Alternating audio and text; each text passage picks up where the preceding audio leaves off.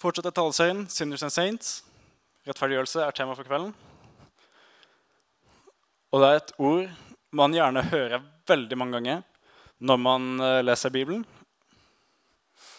Og du lurer kanskje på hva i alle der betyr dette ordet her. Det er veldig Hva skal man si? Det er veldig sånn diffust ord som man ikke helt får tak i, kanskje, for noen. Men før man skal prate om selve rettferdiggjørelse, så må man også ha etablere et behov for en rettferdiggjørelse. da. Og Mye av det jeg skal si i kveld, kommer ut fra romerbrevet, hvor Paulus snakker om dette gjennom så å si hele brevet, halve brevet. da. Men han snakker om rettferdiggjørelse og synd og slike ting. da. Um, så først må man prate om synd, da. Eh, de første to kapitlene, to-tre kapitlene i romerbrevet så snakker Paulus mye om synd, mye om eh, syndige folk. Og han sier at alle er skyldige i Guds lov.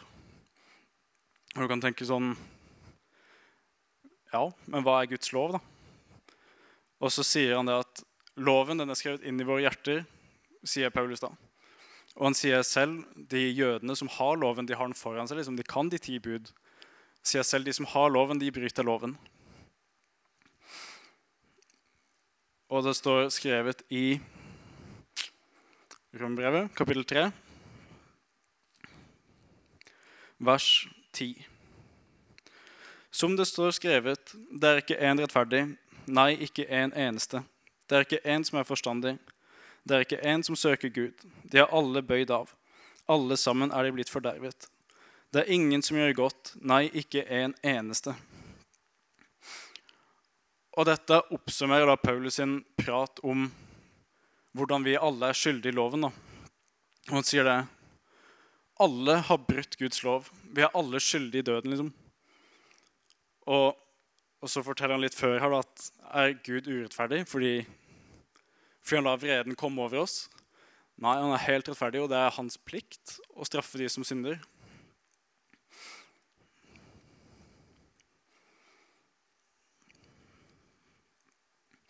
Men så stopper ikke Paulus der, da. Han går eh, videre etter å prate om synd. Og han sier dette i forhold til loven, da. Fra kapittel 3, vers 21. Men nå er Guds rettferdighet blitt åpenbart uten noen lov. Den rettferdighet som er bevitnet av loven og profetene. Det er Guds rettferdighet ved tro på Jesus Kristus til alle over alle som tror. For det er ingen forskjell, for alle har syndet og mangler Guds ære.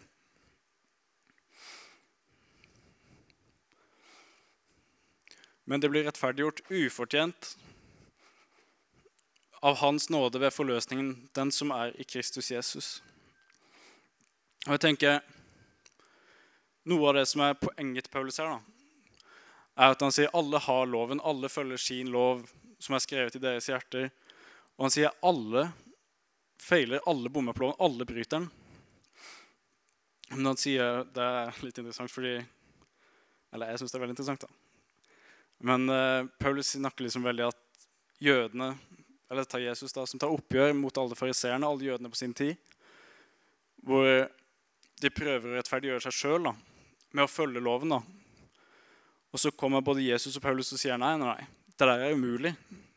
Du har ikke kjangs til å jobbe deg opp for å få ta del i rettferdiggjørelsen eller få ta del i frelsen.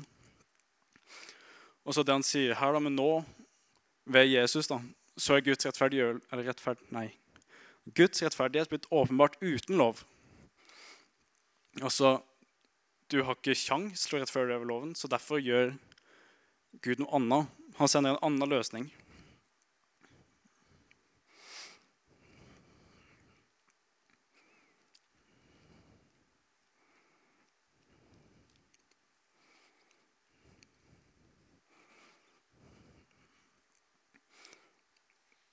Dette er noe som er hardt. Det er vanskelig å kunne tenke at man er faktisk syndig menneske. Liksom. Martin Luther sa en gang det at vi er både syndige og rettferdige på samme tid. Og det er noe som skal komme fram i dette her, da. Men det er noe som man også må ta tak i og være klar over seg sjøl. At man er syndig, og at man er så langt ifra Gud som det skulle vært mulig. Liksom. Og vi har liksom ikke kjangs i, eget, i vår egen innsats så har vi ikke kjangs til å nå opp. Men hva har dette med rettferdiggjørelse å si? Hm? Paulus sier da videre, da. Han snakker om Abraham. Og han sier dette her sånn i forhold til lov og loviske gjerninger og slike ting. da, Så sier han For dersom Abraham ble rettferdiggjort av gjerninger, har han jo noe å rose seg av, men ikke for Gud. For hva sier Skriften? Abraham trodde Gud, og det ble regnet ham til rettferdighet. For den som arbeider, blir ikke lønn regnet som nåde, men som fortjeneste. Men den som ikke arbeider, men tror på ham som rettferdiggjør den ugudelige, han blir hans tro tilregnet som rettferdighet. Og det er veldig interessant når jeg har skrevet oppgave om dette. Da. Så jeg syns det er kjempegøy. Og det er, veldig, det er litt sånn teknisk finiti, hva skal du si, finicky greier. Men det jeg tror Paulus legger vekt på her, da, er at rettferdiggjørelsen er ikke noe Man er ikke rettferdig. Man kan ikke bli rettferdig i seg selv. Sånn som han sier her, da, at Står det der? Hvor den som arbeider, blir ikke lønn regnet som nåde, men som fortjeneste. Altså, han sier at jobber du, så får du egentlig bare det du fortjener. liksom. Men den som ikke arbeider, men tror på ham, som blir rettferdiggjort den ugudelige, han blir hans tro tilregnet som rettferdighet.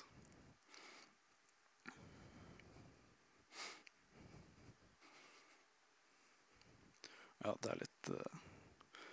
Og poenget til Paulus i dette her er at Abraham blir regna som rettferdig.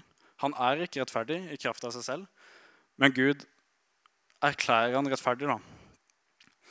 Og så en ting som kommer fram her, er at det er ikke bare at Gud gjør, eller sier at du er rettferdig, men han sier også 'Jeg tilregner ikke deg din synd'. Din synd den trenger ikke du betale for, og jeg erklærer deg rettferdig.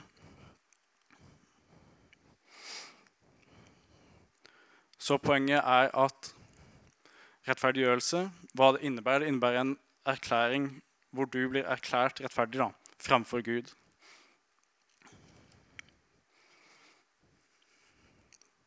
Men så kommer det store spørsmålet her, da. Hvis jeg er synder og blir erklært rettferdig Jeg er jo fortsatt ikke rettferdig. Men hvordan i alle dager kan Gud si at jeg er rettferdig da? Og så er svaret egentlig litt opplagt. Men det er mye sånn eh, krangel om dette i andre ulike retninger. Hvor Paulus skriver dette her. I kapittel 5 av Rombrevet, vers 6. For da vi ennå var skrøpelige, døde Kristus til fastsatt tid for ugudelige. For det er neppe noen som vil dø for en rettferdig. Skjønt for en som er god, ville kanskje noen våge å dø. Men Gud viser sin kjærlighet til oss ved at Kristus døde for oss mens vi enda var syndere.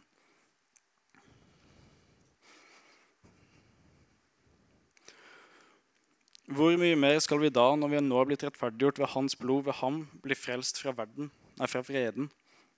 For om, vi, for om vi ble forlikt med Gud ved Hans sønns død, da vi var fiender, skal vi så mye mer bli frelst ved Hans liv etter at vi er blitt forlikt. Og dette er de gode nyhetene som evangeliet handler om. Hvor vi er på vei rett ned, rett og slett. Alt går rett vest. Og Gud ser på oss og tenker Vi må redde dem.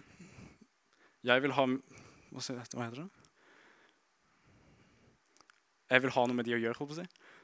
Um, hvor han da sender Jesus i syndig kjøtts lignelse, som Nicole sa for at han skulle ta vår synd. Men det er mange ting som blir litt sånn Jeg vil si, og jeg tror, at Kristus' oppdrag var ikke bare å dø på kors, liksom. Men det er noe som går gjennom hele hans liv. For han sier også det At jeg kommer ikke for å oppheve loven, men for å oppfylle loven. Og så tenker jeg, hva mener Jesus med dette her, da? Så kommer det fram flere vers i Bibelen at Jesus levde med full rettferdighet. Han, var, han levde i total lydighet til sin far. Hvor han da si, opparbeider seg denne rettferdigheten. Jesus er fullt rettferdig.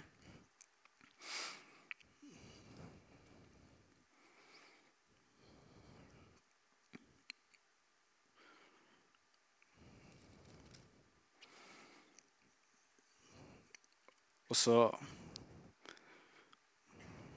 Hvor er nå?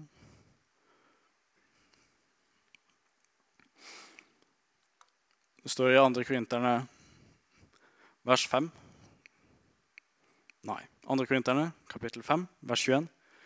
For ham som ikke kjente til synd, gjorde Gud til synd for oss, for at vi skulle få Guds rettferdighet i ham. Jeg må ha noe vann.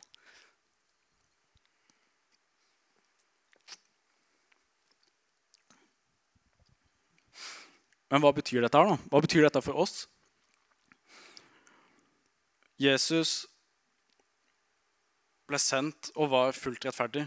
Han blir nagla til korset og tar prisen for våre synder.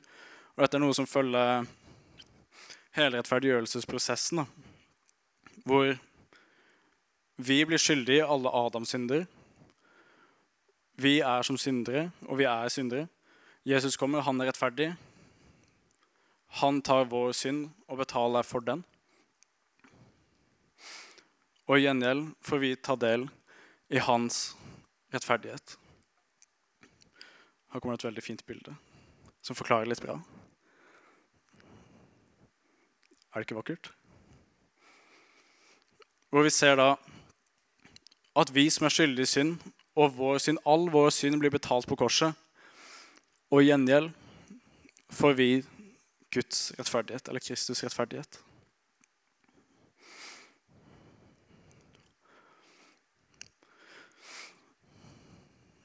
Vi blir forlikt ved Gud ved Jesu død, og vi blir frelst ved Jesu liv.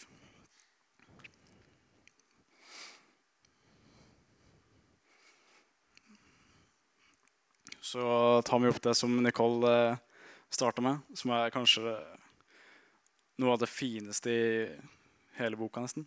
Det er kjempevakkert. Derfor er det da ingen fordømmelse for dem som er i Kristus Jesus, de som ikke vandrer etter kjøttet, men etter ånden. For livets ånds lov har i Kristus Jesus gjort meg fri fra syndens og dødens lov. For det som var umulig for loven fordi den var maktesløs på grunn av kjøttet, det gjorde Gud ved å sende sin egen sønn i syndig kjøtts lignelse og for syndens skyld. Han fordømte synden i kjøttet for at lovens rettferdige krav skulle bli oppfylt i oss. Vi som ikke vandrer etter kjøttet, men etter ånden. Dette på en måte, Disse versene oppsummerer liksom hele rettferdiggjørelsen. da, Hvor det er ingen fordømmelse for de som er i Kristus. Hva betyr 'i Kristus'? De som tror på Kristus. Og det som på en måte er Paulus' poeng gjennom hele eh, alle disse kapitlene da, i Romerne, er vi er syndere, og vi er på feil vei. Vi er dømt hvis ingen andre kommer og redder oss. Og så sier han masse om loven hvor loven kom ikke inn for Eller loven kom inn for å vise oss erkjennelse av synd. For synd er liksom der til stede. Og hvor da Kristus tar lovens rettferdige krav. Hvor han får den fulle vreden av Gud. da. Og så er jo kanskje et av de store spørsmålene som blir, som blir store stridigheter om, da, er hvordan i alle dager tar man del i rettferdiggjørelsen? Og der, det er kanskje der de store diskusjonene ligger. Da. Hvor du har flere ulike syn på det. Noen sier tro, bare tro. Noen sier tro pluss litt. Noen sier gjerninger. Men så er det noen ting som blir klart her. Paulus motsier alt som har med gjerning å gjøre. Du har ikke kjangs, uansett hvor mye du skulle ville, til å nå opp til Gud. Og um, nå hans nivå, på en måte. Du har ikke kjangs. Du er fortapt.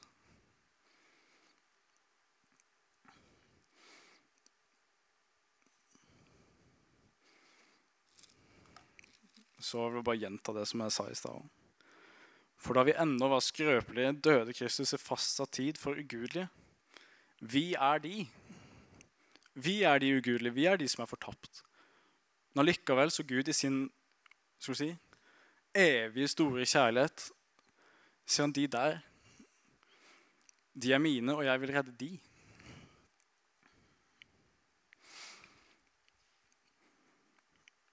Og som Paulus også sier her, som jeg også snakker om med Abraham Abraham trodde Gud, Gud, og det ble regnet ham til rettferdighet. Og hele kapittel 3, kapittel 4, kapittel 5 av romerne er det én ting som står så bom fast hos Paulus, og det er kun gjennom tro på Jesus Kristus har du kjangs. Ikke fordi du i deg selv er noe spesielt god, ikke fordi du er en god og snill person. For det, i Guds øyne så er du på en måte ikke det. På en måte. Det er ikke på en måte. Du er ikke det. Men Kristus det, det, er veldig morsomt sånn Jeg kan huske første gang jeg hørte det. Hvor de sa det 'Hvordan kommer han til himmelen?' Liksom, så sier du Nei, når Gud ser på deg, så ser han bare Jesus, liksom. Du er på en måte eller silhuetten av Jesus er rundt deg. på en måte, Og jeg tenkte bare, å fy søren, så teit sagt. Men det er så sant. Når Gud ser på deg, liksom, så blir Kristus rettferdighet det som kommer fram, om du tror.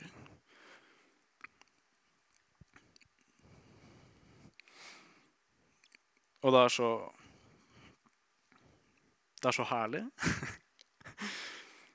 og jeg tenker sånn, når jeg først satte meg inn i rettferdiggjørelsen for to-tre år siden. Var sånn, jeg satt jo nesten og grein når du forstår dette her. Det er så stort, vakkert tema hvor du virkelig kan kjenne og se Guds kjærlighet til oss. Som eh, Jesus sier, da. Han sier det at Når han snakker om loven, da, hvor det står du skal ikke begjære de nestes kone.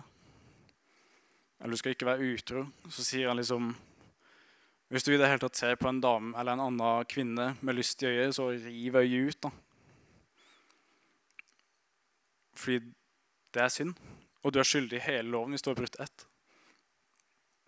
Og det er sånn Hvor mange ganger har man ikke brutt i det og bare tenker at man er helt ferdig?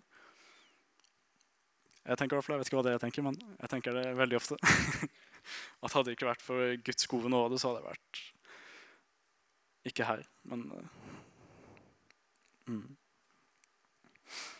Så hva er det jeg vil at dere skal med dere, da? At dere er rettferdiggjort i Kristus Jesus ved tro og kun tro. For jeg har ikke kjangs. Hvis jeg skulle prøve å jobbe opp til det der.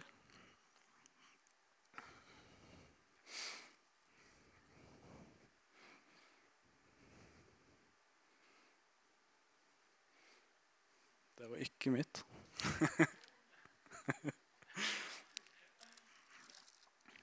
Men jeg tenker vel kanskje jeg har ikke så mye mer på hjertet, egentlig. Men også det er et stort tema som kanskje ikke er alltid like forståelig. og sånne ting. Men det er liksom noen ting som er sentralt. Selv om det er mye sånn tekniske greier som jeg kanskje går litt inn på, så er det liksom det sentrale som kommer frem i kanskje Efeserne 2. Eh, av nåde er dere frelst. Det er ikke deres eget verk, men Nå må jeg finne det før jeg misquoter det helt. Det er flaut hvis man gjør det. For å nåde er dere frelst ved troen, og det er ikke av dere selv, det er Guds gave. Ikke av gjerninger, for at ikke noen skulle rose seg. For vi er Hans verk, skapt i Kristus Jesus til gode gjerninger, som Gud har gjort ferdige på forhånd, for at vi skulle vandre i dem. Og det er bare sånn åh, Nå kan vi liksom lovsynge og prise Gud for dette, her, for dette er så fantastisk. Og jeg håper dere kan se det fantastiske ved det. For det er virkelig noe å glede seg over. Så jeg bare be en uh, bønn til slutt. Jeg takker deg, Herre, for din overstrømmende nåde, Herre. Jeg takker deg for at du sendte Kristus for at han skulle leve og dø for oss, Herre. Og for at han ble det offeret som vi ikke kunne nå opp til. Må du bare vise oss nåde, Herre. -hmm. I Jesu navn. Amen.